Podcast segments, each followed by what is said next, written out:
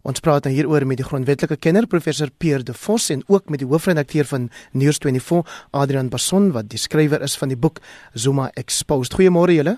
Goeiemôre. Pierre, Hallo Hendrik. Pierre, ek begin met jou. Ons het in hierdie uitspraak weer 'n verwysing gehoor na 'n irrasionele besluit wat geneem is. Wat beteken dit in regsterme? Wel in regsterme beteken dit dat die besluit om die klagte te laat vaar ongeldig is. Dit beteken die oorspronklike besluit om uh, president Zuma aan te kla as dit ware uit die uit die dood herrys en daar's nou weer 'n besluit uh vir die oomblik tot tyd en wyl daar dalk miskien ander regs manoeuvres um geloods word deur die president is daar nou 'n geldige besluit aan die kant van die vervolgingsgesag om die president um vir korrupsie en geldwasery en so aan te kla Adrian maar self so word daar wyd bespiegel deur mense so speurde vir self dat die saak dalk op niks gaan uitloop nie omdat die politieke wil nie by die NVG bestaan nie.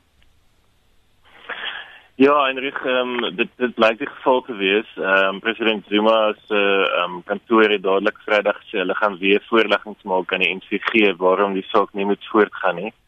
En dit lyk of Sean Adams die hoof van die NVG ehm um, reeds besluit dat hy daarna sal kyk. Ehm um, dit was dit was sy mag om te sê nee, hy gaan dadelik klagtes instel en dan moet die proses van daar volg.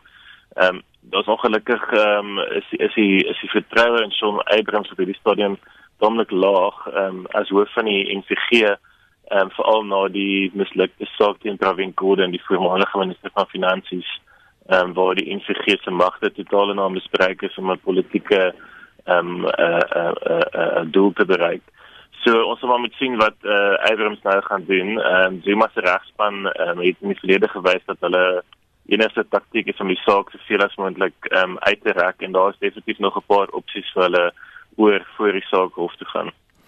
Pier byna 'n dekade gelede was alles in plek, die dossier voorberei, die aanklaers het gemeen dat daar 'n waterdigte saak teen president Zuma is. Shabir Sheikh, sy finansiële raadgewer, was reeds skuldig bevind.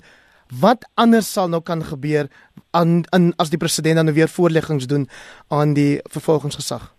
Ja, dit is uh, dit is moeilik om te sê want ehm um, soos Adrian gesê het, Heinrich gesê ehm um, is daar nie eintlik 'n verpligting, 'n regsverpligting op die vervolgingsgesag om weer ehm um, vertoe van die president se regspan aan te hoor nie. Maar wat dalk wat hulle dalk sou kon argumenteer is twee goed. Hulle kan sou kon argumenteer eerstens dat so baie tyd nou ehm um, uh verloop het sedert die ehm um, sedert sedert die saak begin het dat dit nie meer moontlik is om 'n regverdige verhoor te kry nie. Maar die vervolgings uh, die so hoogste hof van appel het gesê hierdie tipe goed behoort nie deur die vervolgingsgesag besluit te word nie. Dit is vir hof om dit te besluit. Of hulle kan iets anders sê. Hulle kan sê omdat die uh, saak van die staat uh deels gebaseer is op die KP uh, die KPMG uh, verslag. Ehm um, is daai verslag nou nie meer so geloofwaardig as wat voorheen was nie.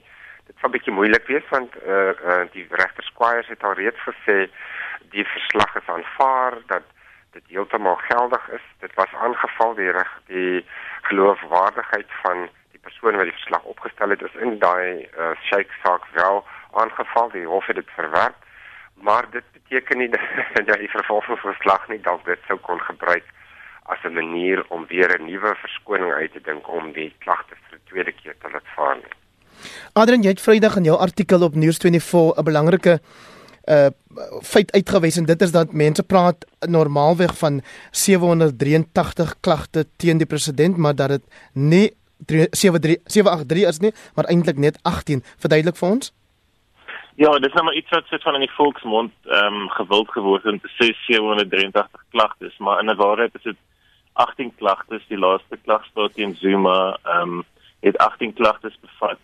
Ehm um, wat geskoei is op 783 betalings wat hy van Sheikh ontvang het. Ehm um, jy sal onthou Heinrich dat regte Squires bevind het ehm um, Shabir Sheikh het Zuma se leefstyl gefinansier uh, omdat Zuma nie genoeg geld verdien het deur sy salaris nie. Ehm um, en in ruil daarvoor het Zuma gunste gedoen vir Sheikh se besighede om hulle te bevorder. So dit is ook waarom die ehm um, die NVG in die laaste klagstaat ehm um, die misdryf van rampokkery of raketering ingebring het. Wat te sê die hele ding was 'n racket om 'n om 'n syndikaat aan die gang te hou waar daar politikus was, 'n sakeman ensovoorts.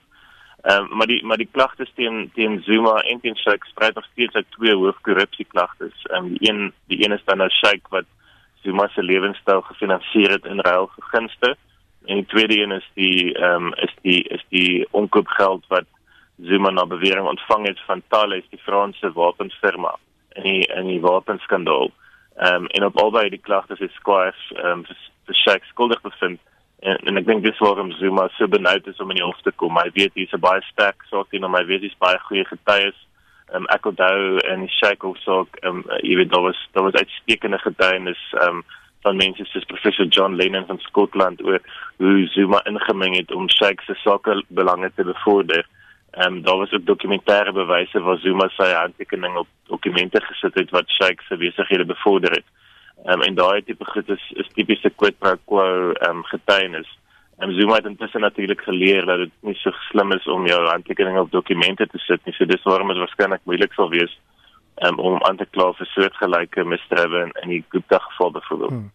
Pierre de Vos en dan vra jy 'n belangrike vraag in jou artikel op Daily Maverick en dit is hoe het die Zuma regspan die transkripsies van die sogenaamde spionasiebande wettiglik in die hande gekry want dit sou nie wettig kon wees nie reken jy.